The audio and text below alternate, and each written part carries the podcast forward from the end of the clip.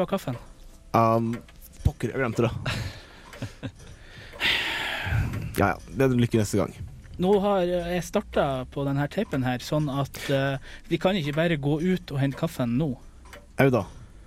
Så Hvorfor gjorde du det? Nei, jeg trodde du var klar. Ja vel. Ja. Ja, vi får kanskje begynne, da. Ja.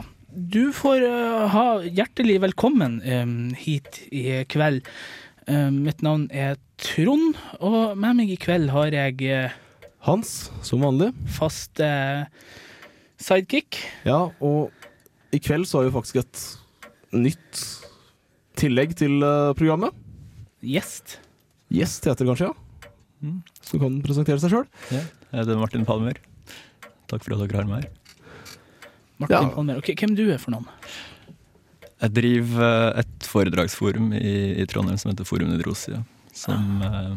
er jo en viss interesse for dem som hører på der. Det er i grunnen det. Det, det Det, der, det er derfor jeg er her, vil jeg tro. Nei, overhodet ikke. Aldri. Så eh, litt trøbbel med kaffen mangler på. Man må liksom ha kaffe når man skal drive og snakke om horror og beslektede tema, syns i hvert fall jeg. Det er det var en strek i regninga hans. Ja, egentlig så er det mer relatert til klokkeslettet, da, men ja. Vel, vel. Men uh, i kveld vi må, skal jo gjennom litt av hvert spennende, syns jeg. Og uh, vi skal jo starte med The Bowman. Ja, The Bowman av uh, Arthur Macken. Mer om han siden. Og så blir det Lovecraft. Ja, Lovecraft kommer vi jo ikke Folk bør være kjent med nå. Ja. Men eh, hvis vi starter med The Bowman, så hvem hva er det som er historien bak denne kortfortellinga? Jo, um, hovedsakelig så er det det at noen briter klarte å stoppe noen tyskere og ta livet av veldig mange av dem. Så skrev Macken en liten kortfortelling hvor noen engler, eller helgener, kom og tok livet av tyskerne. Folk tok da dette er for god fisk, selvfølgelig. Så det var ingen som sa at dette var fiksjon. Så skapte litt forvirring, og det skapte da dette fenomenet The Angels of Man, som da er en urban legende av noe slag. Sånn at det her er da den fortellinga som rett og slett har gitt folk eh, crazy ideas om eh, hva som skjedde under første verdenskrig. Det stemmer. Har du noe kunnskap om den her? I forhold til historien. Mhm. Eh, Det kan godt nevnes at Mac-en selv eh, gikk veldig tidlig ut og, og, og, og fortalte eh, allmuen at, at det her var fiksjon. Men de valgte på en måte å lukke litt øynene og ørene for det her. Det gikk så langt at han ga ut, bok, ga ut historien på nytt i en bok og med, med et forord da, der han går i dybden på hvordan historien ble, ble skapt. Men men myten om, om, om englene eller helgenene i, eh, i Mons eh, overlever jo frem til i dag. Den blir jo gjenfortelt eh, i ulike innpakninger frem til, Frem til i dag, ja. frem til i dag. Nei, men det er jo Det er jo veldig morsomt det når folk på en måte velger å se bort ifra fakta, og så heller på en måte Altså selv historien er bedre, og heller på en måte nesten bygge trua si på det. Klart. Og det var vel noen som gikk helt over kanten der, men Ja, Altså, det, det, det, kom, det kom jo eh, soldater som angivelig hadde vært, eh, vært her da, og, og ga vitnesbyrd etter at historien kom om hva de har skjedd og hva de har opplevd. ikke sant? Mm. Så, men eh, skal vi se, vi kan ta oss bare grave fra platespilleren her, og så ta oss og sette den på, så kan vi nå prates litt mer etterpå. Det får vi gjøre. The Bowman by Arthur Macken. Recording by David Lawrence. It was during the retreat of the 80,000, and the authority of the censorship is sufficient excuse for not being more explicit. But it was on the most awful day of that awful time, on the day when ruin and disaster came so near that their shadow fell over London far away, and without any certain news, the hearts of men failed within them and grew faint, as if the agony of the army in the battlefield had entered into their souls. On this dreadful day, then, when 300,000 men in arms, with all their artillery, swelled like a flood against the little English company. There was one point above all other points in our battle line which was for a time in awful danger, not merely of defeat, but of utter annihilation. With the permission of the censorship and of the military expert, this corner may, perhaps, be described as a salient, and if this angle were crushed and broken, then the English force as a whole would be shattered, the Allied left would be turned, and Sedan would inevitably follow. All the morning the German guns had thundered and shrieked against this corner, and against the thousand or so of men who held it. The men joked at the shells, and found funny names for them, and had bets about them, and greeted them with scraps of music hall songs. But the shells came on and burst, and tore good Englishmen limb from limb, and tore brother from brother, and, as the heat of the day increased, so did the fury of that terrific cannonade. There was no help, it seemed. The English artillery was good, but there was not nearly enough of it, and it was being steadily battered into scrap iron. There comes a moment in a storm at sea when people say to one another, It is at its worst, it can blow no harder and then there is a blast ten times more fierce than any before it. So it was in these British trenches.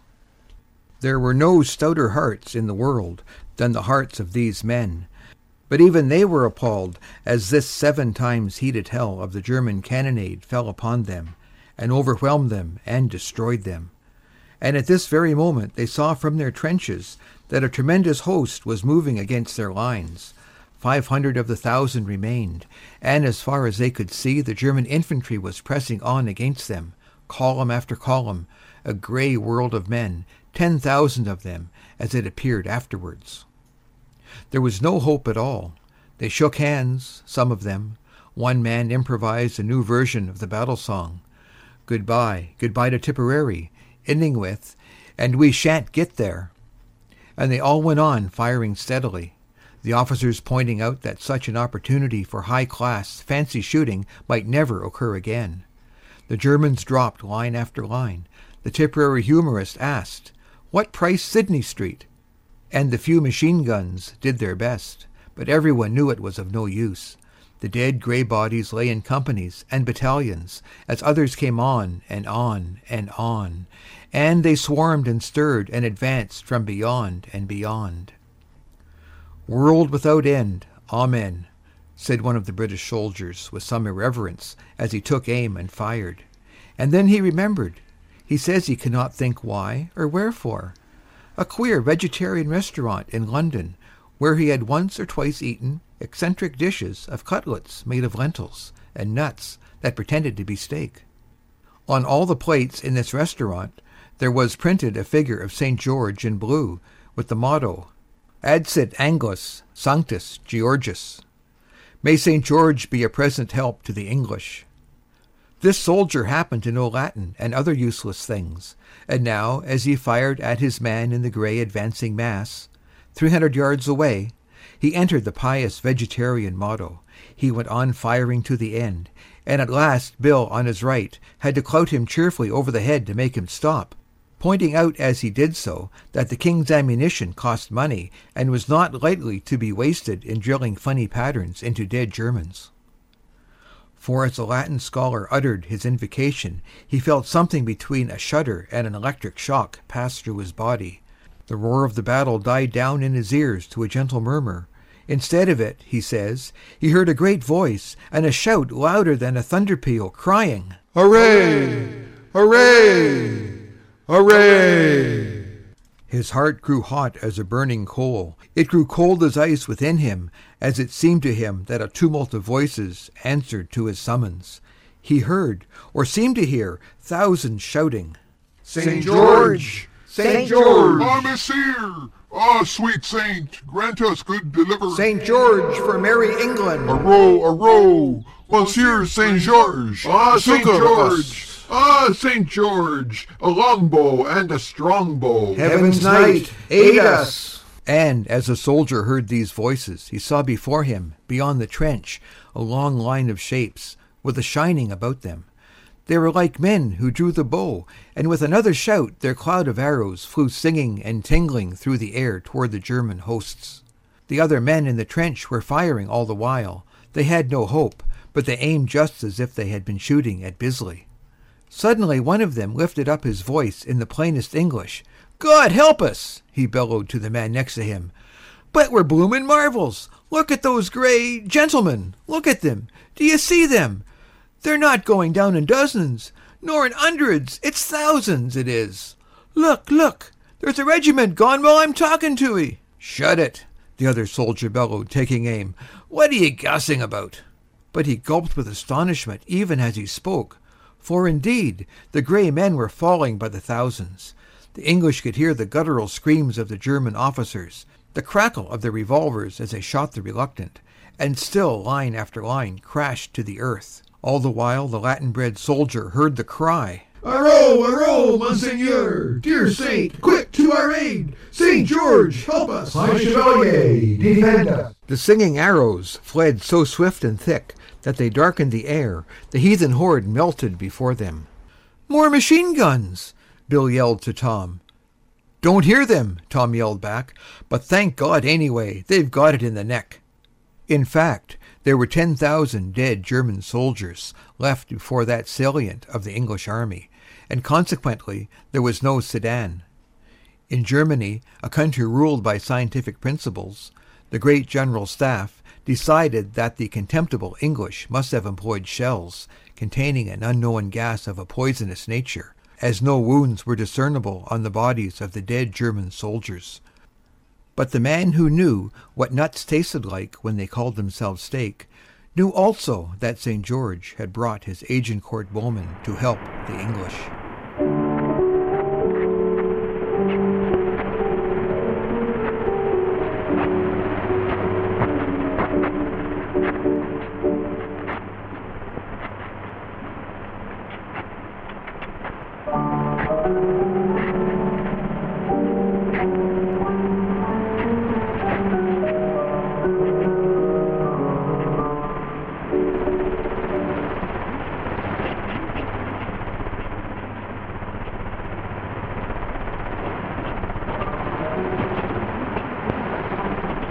Hans, gå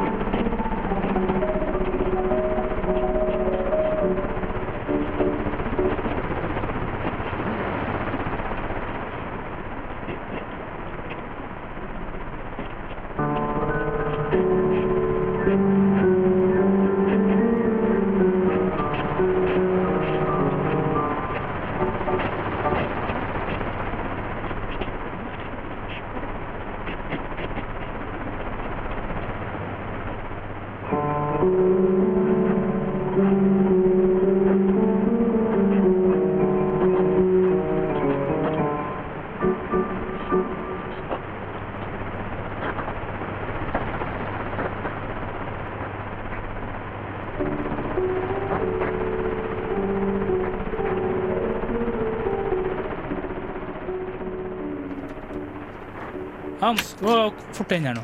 Kom her. Der, ja. Sånn, ja. Nå kaffe. Kaffe. Ja da. Så, Martin, har du fått kaffe nå? Kaffen var bra. Takk. Ja, bra. Man kan jo ikke ha gjester uten kaffe. Det er jo forkastelig. Nei, gode verter. Slik skal det være. Men ja, da har vi hørt um, The Bowman av Arthur Macken. Uh, Macken var en um, fyr som ble født 1863 og døde i uh, 1947. Var uh, waliser og ja, skrev ting. Men han har drevet med an- andre ting også, da. Han har det. Som du påstår at du vet noe om. Ja. eh, eh, det skal jo nevnes at, at Mac-en sin eh, sitt egne involvement er jo, er jo gjerne eh, overvurdert. Um, Jaså? til en viss grad. Men eh, innflytelsen han har øvd, eh, er heller undervurdert, kan du si.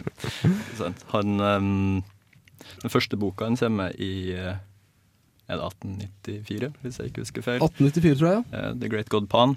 Um,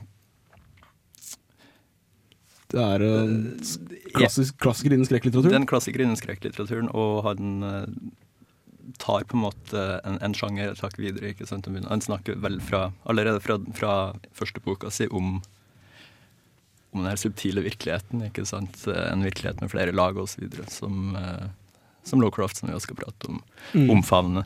Eh, Men i forhold til det du spør om, så, så går det sikkert på hans eget involvement i, i okkultismen. Um, For eksempel. og, og han var i en kort periode involvert i, uh, i en svært innflytelsesrik uh, et okkult selskap som heter Hermetic Order of the Golden Dawn. Det har vi vært borti før, ja. ja. han gikk inn der han var veldig god venn med, med en annen forfatter som, som het Arthur Edward White.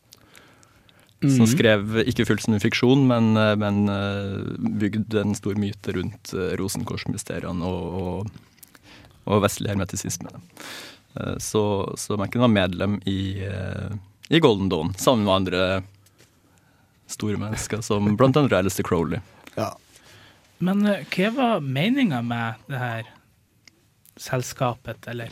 Det selskapet var en, eh, en initiatorisk orden, for det første. Eh, Det ble grunnlagt av, eh, av frimurere og, og kjørt seremonier som, som bygger på litt av det samme som de gjør, det vil si tempelinnvielser, ikke sant, med mye egyptisk eh, symbolikk og så og, og selvfølgelig eh, Rosenkorsmysteriene.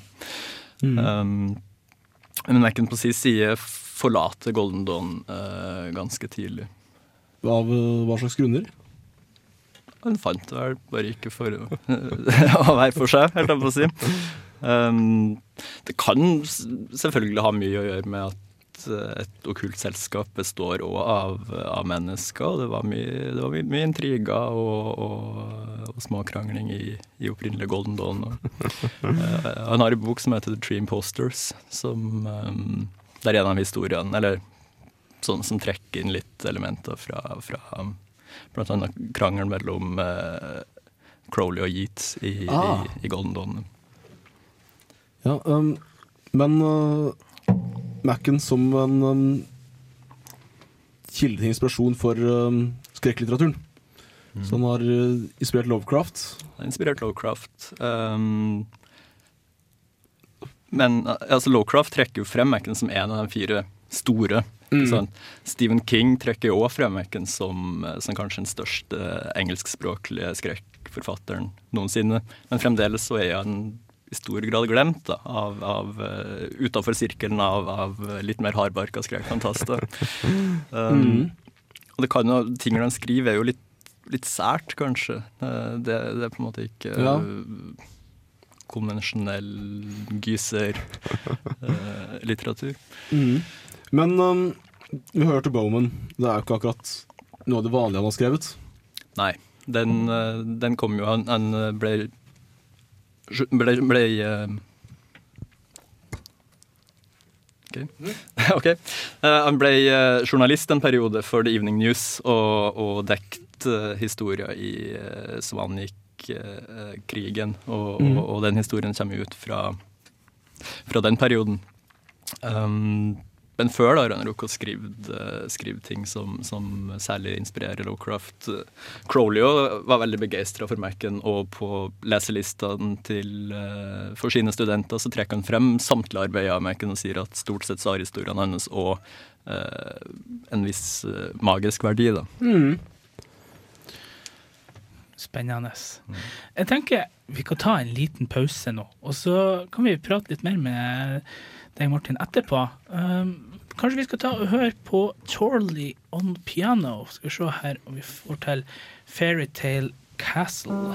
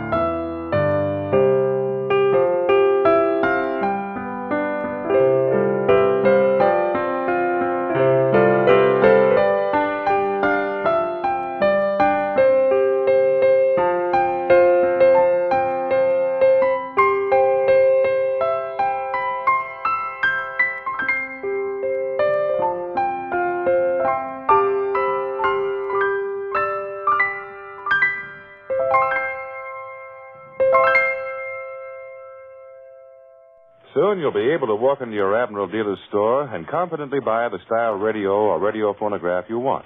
The selection of Admiral radios will be complete.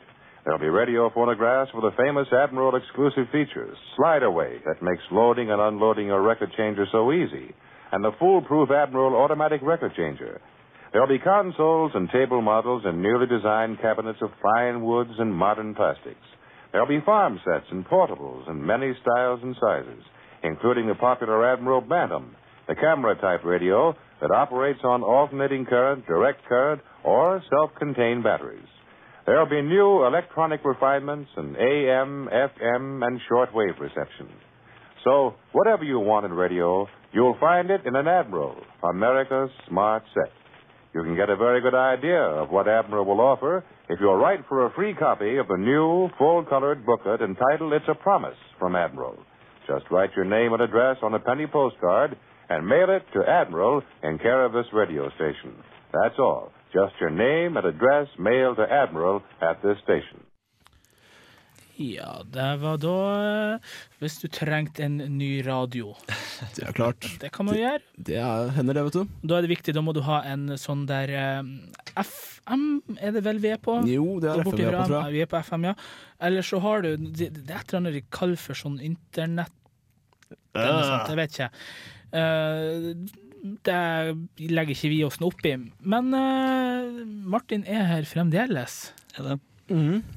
Og vi snakka om uh, Mac-en, og det at han har skrevet noe Noe mer merkeligere horror. Litt, litt merkeligere. Men på hvilken måte? Nei, det, det er jo det her med, med um, Som jeg sa i stad, uh, Mm. han vektlegger i veldig stor grad uh, en virkelighet som består av flere lag, ikke sant? Og, og muligheten til å få få et innblikk i den verdenen her. Og, Mm. og, og skriver jo selv og han, sant, han var medlem i Golden Dawn, men var jo mystiker på sin hals gjennom hele livet. Ja, ja. Eh, og, og var veldig opptatt av, av det han kaller den mystiske opplevelsen. ikke sant? Mm. Og, og, og kommentere i forhold til sin egen litteratur, og at den, den er ute etter det er søknaden etter det ukjente, ikke sant? lengselen mm. etter det ukjente, da, som, eh, som kanskje gjør at Macken blir plukka opp av, av okkultistene. For det er jo gjerne den samme drivkrafta som driver Ja. dem. Mhm. Men um, sier at Lovecraft, som uh, noe yngre enn en, uh, Mac-en, men nei, det er han ikke. Han døde ti år før han, og var født nesten 30 år etter han. Ja. Vel, vel. Kort og hardt. Jepp. Men uh, Lovecraft nevner jo Mac-en som en av de store inspirasjonskildene sine. Ja. Og en av de store innen horrorlitteratur også, generelt. Og, og det er jo fordi at du, du, du ser det samme hos Lovecraft, Mm. selv om eh, den graden av skrekk kanskje som, som Lovecraft trekker inn, er mer omfattende, mer ekstrem. Da, ikke sant? Ja. Uh, Lovecraft eh, starter med den kosmiske Mm. horror-sjangeren. Eh, men, men essensen er jo det samme. Mm. Ikke sant? Vi sitter her i, i en eh, materie som, eh, som du veldig lett kan bryte gjennom. Da. Mm. Uh, Lovecraft har jo også det med at altså, Han advarer nærmest mot det å søke etter noe. Så Ja. det å prøve å finne den, det, som ligger bak denne virkeligheten, er ingen særlig god idé. Nei, og der skiller jo uh, Macken og Lowcraft uh, lag, på en måte. Ja, uh, Mac-en uh, eh, oppfordrer jo nærmest til å, til å penetrere gjennom, Mm. gjennom slørene. Lowcraft lærer oss at det er lukeveien til galskap.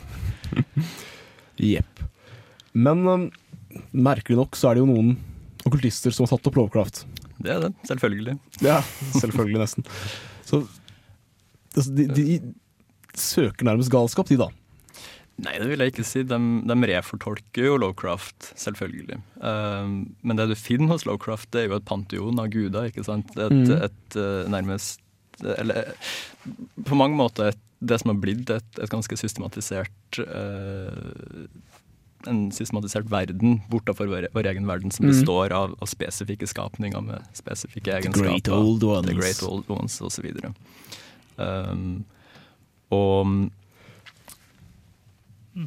det, det som um, det som kanskje dro det i gang mer enn noen ting, det var jo Lovecraft uh, sin fiktive bok uh, 'Necronomicon', som, Mm. uh, eh, som ble utgitt da på 70-tallet.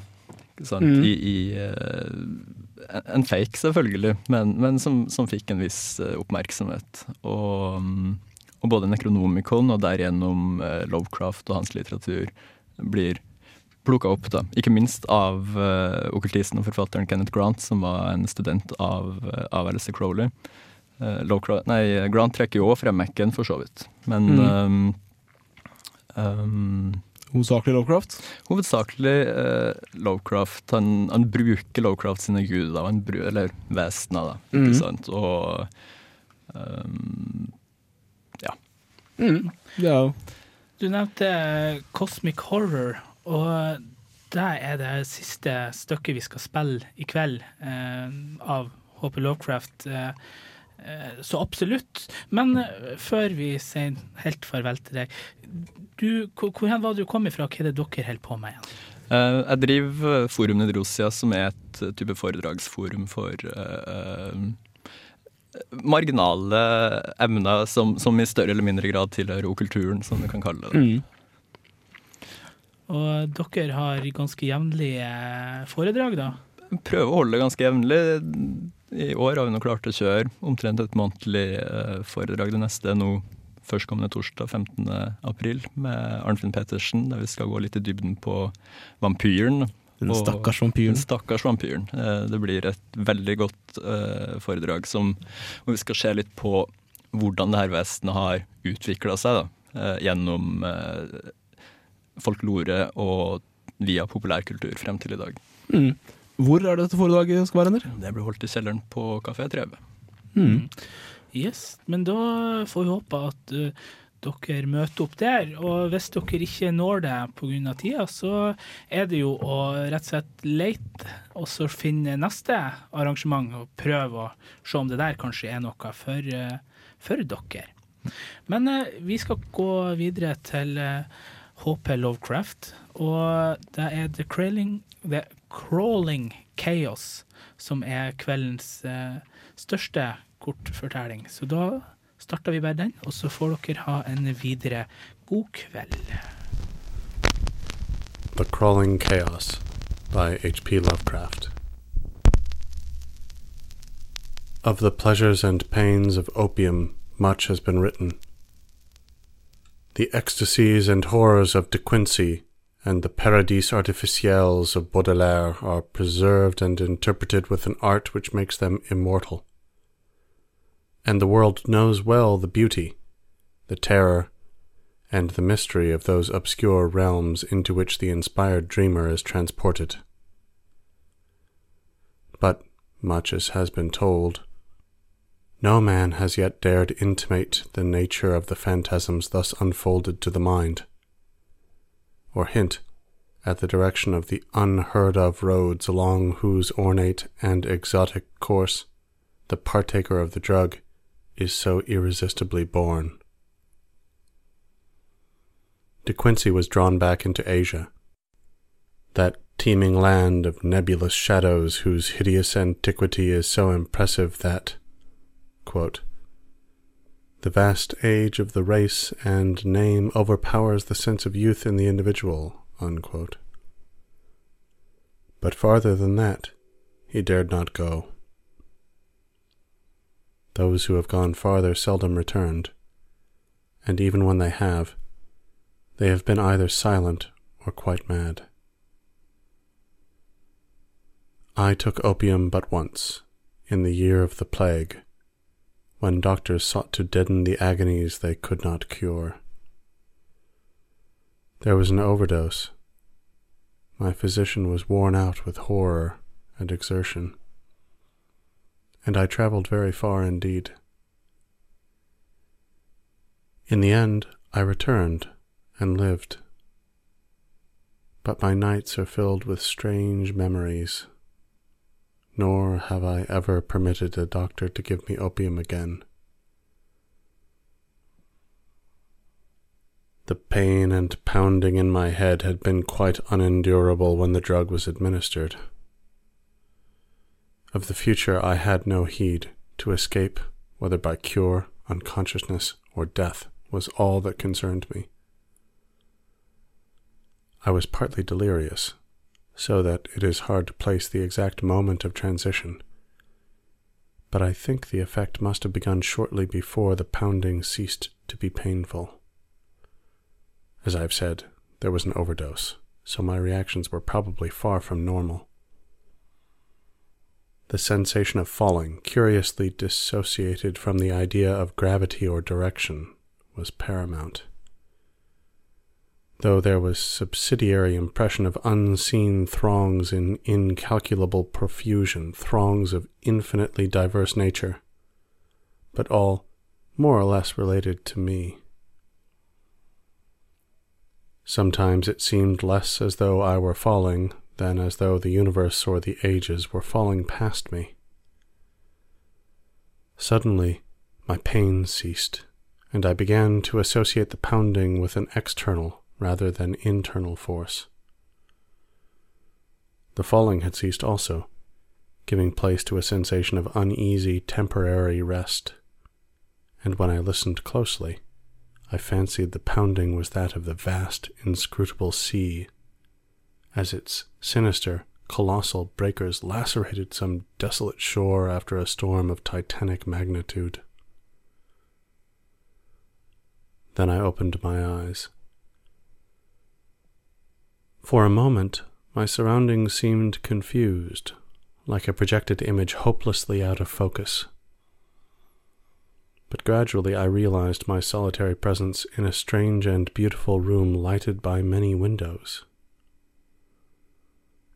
Of the exact nature of the apartment I could form no idea, for my thoughts were still far from settled. But I noticed van-colored rugs and draperies, elaborately fashioned tables, chairs, ottomans, and divans, and delicate vases and ornaments which conveyed a suggestion of the exotic without being actually alien. These things I noticed, yet they were not long uppermost in my mind. Slowly but inexorably crawling upon my consciousness and rising above every other impression came a dizzying fear of the unknown, a fear all the greater because I could not analyze it and seeming to concern a stealthily approaching menace, not death, but some nameless, unheard of thing inexpressibly more ghastly and abhorrent. Presently, I realized that the direct symbol and excitant of my fear was the hideous pounding whose incessant reverberations throbbed maddeningly against my exhausted brain. It seemed to come from a point outside and below the edifice in which I stood, and to associate itself with the most terrifying mental images. I felt that some horrible scene or object lurked beyond the silk-hung walls and shrank from glancing through the arched, latticed windows that opened so bewilderingly on every hand. Perceiving shutters attached to these windows, I closed them all averting my eyes from the exterior as I did so. Then, employing a flint and steel which I found on one of the small tables, I lit the many candles reposing about the walls in arabesque sconces. The added sense of security brought by closed shutters and artificial light calmed my nerves to some degree, but I could not shut out the monotonous pounding. Now that I was calmer, the sound became as fascinating as it was fearful, and I felt a contradictory desire to seek out its source despite my still powerful shrinking. Opening a portiere at the side of the room nearest the pounding, I beheld a small and richly draped corridor ending in a cavern door and large oriel window. To this window I was irresistibly drawn, though my ill-defined apprehensions seemed almost equally bent on holding me back.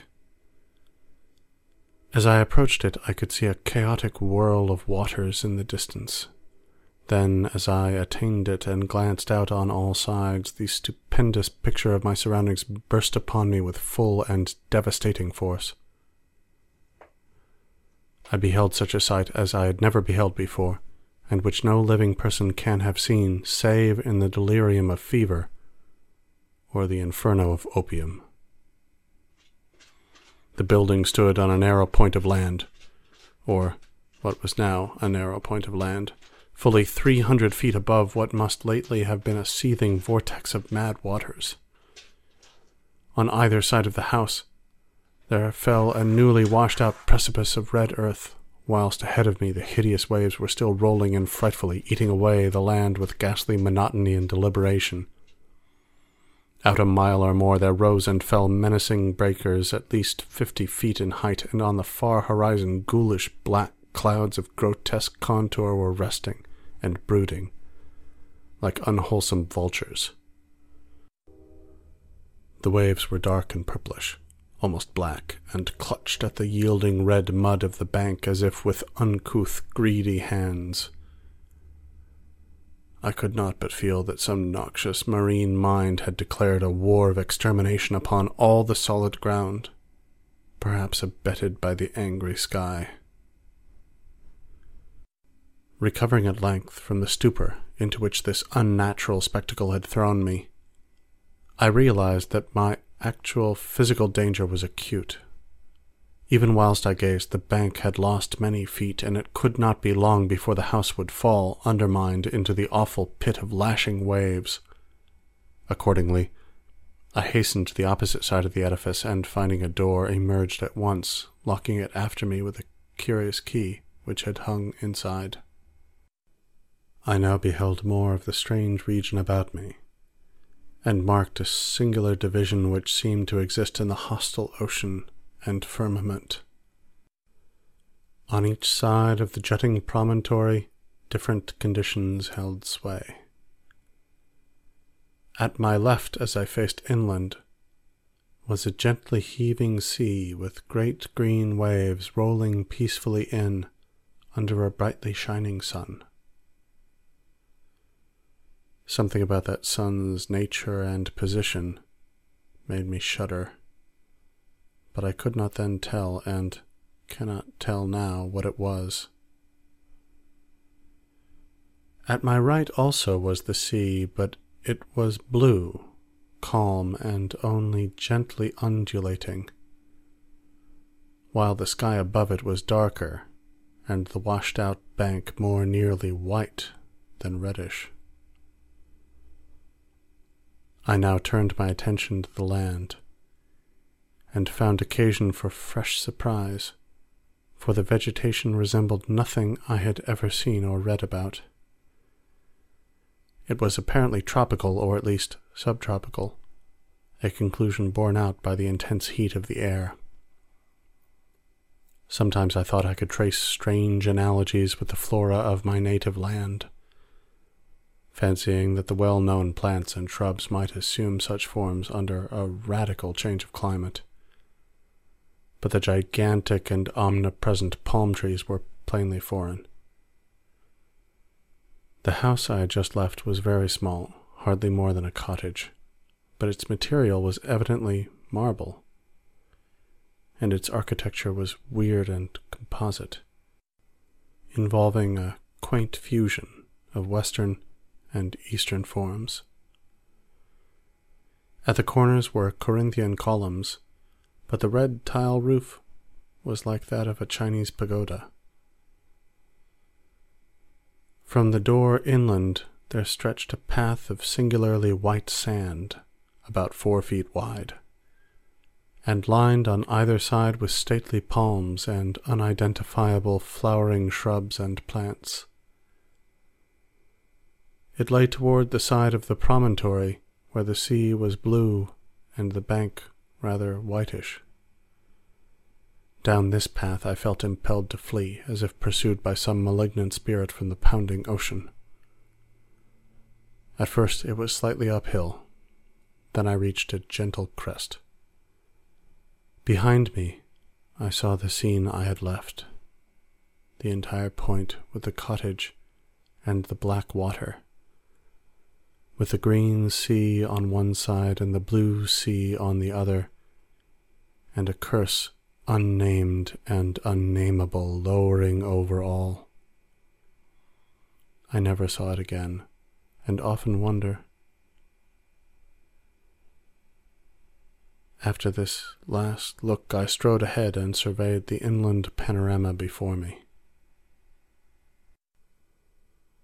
The path, as I have intimated, ran across the right hand shore as one went inland. Ahead and to the left, I now viewed a magnificent valley comprising thousands of acres and covered with a swaying growth of tropical grass higher than my head. Almost at the limit of vision was a colossal palm tree which seemed to fascinate and beckon me. By this time, wonder and escape from the imperiled peninsula had largely dissipated my fear. But as I paused and sank, fatigued, to the path, idly digging with my hands into the warm, whitish golden sand, a new and acute sense of danger seized me. Some terror in the swishing tall grass seemed added to that of the diabolically pounding sea, and I started up, crying loudly and disjointedly, Tiger! Tiger! Is it tiger? Beast? Beast? Is it a beast that I'm afraid of? My mind wandered back to an ancient and classical story of tigers which I had read. I strove to recall the author, but had difficulty. Then, in the midst of my fear, I remembered that the tale was by Rudyard Kipling. Nor did the grotesqueness of deeming him an ancient author occur to me. I wished for the volume containing this story, and had almost started back toward the doomed cottage to procure it when my better sense and the lure of the palm prevented me. Whether or not I could have resisted the backward beckoning without the counter fascination of the vast palm tree, I do not know. This attraction was now dominant, and I left the path and crawled on hands and knees down the valley's slope, despite my fear of the grass and of the serpents it might contain. I resolved to fight for life and reason as long as possible against all menaces of sea or land though I sometimes feared defeat as the maddening swish of the uncanny grasses joined the still audible and irritating pounding of the distant breakers. I would frequently pause and put my hands to my ears for relief, but could never quite shut out the detestable sound. It was, as it seemed to me, only after ages that I finally dragged myself to the beckoning palm tree and lay quiet beneath its protecting shade. There now ensued a series of incidents which transported me to the opposite extremes of ecstasy and horror, incidents which I tremble to recall and dare not seek to interpret. No sooner had I crawled beneath the overhanging foliage of the palm than there dropped from its branches a young child of such beauty as I never beheld before. Though ragged and dusty, this being bore the features of a faun or demigod, and seemed almost to diffuse a radiance in the dense shadow of the tree. It smiled and extended its hand but before I could arise and speak, I heard in the upper air the exquisite melody of singing. Notes high and low blent with a sublime and ethereal harmoniousness. The sun had by this time sunk below the horizon, and in the twilight I saw an aureole of lambent light encircled the child's head. Then in a tone of silver it addressed me. It is the end. They have come down through the gloaming from the stars. Now all is over, and beyond the Arinurian streams we shall dwell blissfully in Teloe, As the child spoke, I beheld a soft radiance through the leaves of the palm tree, and, rising, greeted a pair whom I knew to be the chief singers among those I had heard. A god and goddess they must have been, for such beauty is not mortal. And they took my hands, saying, Come, child, you have heard the voices, and all is well. In Teloe, beyond the Milky Way and the Arinurian streams, are cities, all of amber and chalcedony, and upon their domes of many facets glisten the images of strange and beautiful stars. Under the ivory bridges of Teloe flow rivers of liquid gold, bearing pleasure barges bound for blossomy Cytharion of the seven suns. And in Teloe and Cytharion abide only youth, beauty, and pleasure, nor are any sounds heard save of laughter, song, and the lute. Only the gods dwell in Teloe of the golden rivers, but among them shalt thou dwell. As I listened enchanted, I suddenly became aware of a change in my surroundings. The palm tree, so lately overshadowing my exhausted form, was now some distance to my left, and considerably below me. I was obviously floating in the atmosphere, companioned not only by the strange child and the radiant pair, but by a constantly increasing throng of half luminous, vine crowded youths and maidens with wind blown hair and joyful countenance. We slowly ascended together as if borne on a fragrant breeze which blew not from the earth but from the golden nebulae.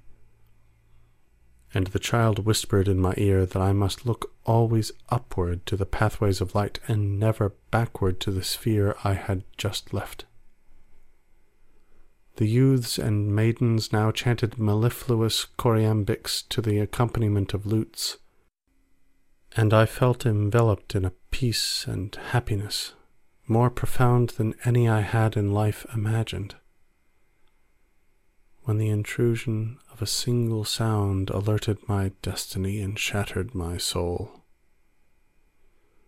Through the ravishing strains of the singers and the lutanists, as if in mocking, demonic concord throbbed from gulfs below the damnable, the detestable pounding of that hideous ocean. As those black breakers beat their message into my ears, I forgot the words of the child and looked back down upon the doomed scene from which I thought I had escaped. Down through the ether, I saw the accursed earth slowly turning, ever turning, with angry and tempestuous seas gnawing at wild, desolate shores and dashing foam against the tottering towers of deserted cities and under a ghastly moon there gleamed sights I can never describe, sights I can never forget. Deserts of corpse like clay and jungles of ruin and decadence where once stretched the populous plains and villages of my native land, and maelstroms of frothing ocean where once rose the mighty temples of my forefathers.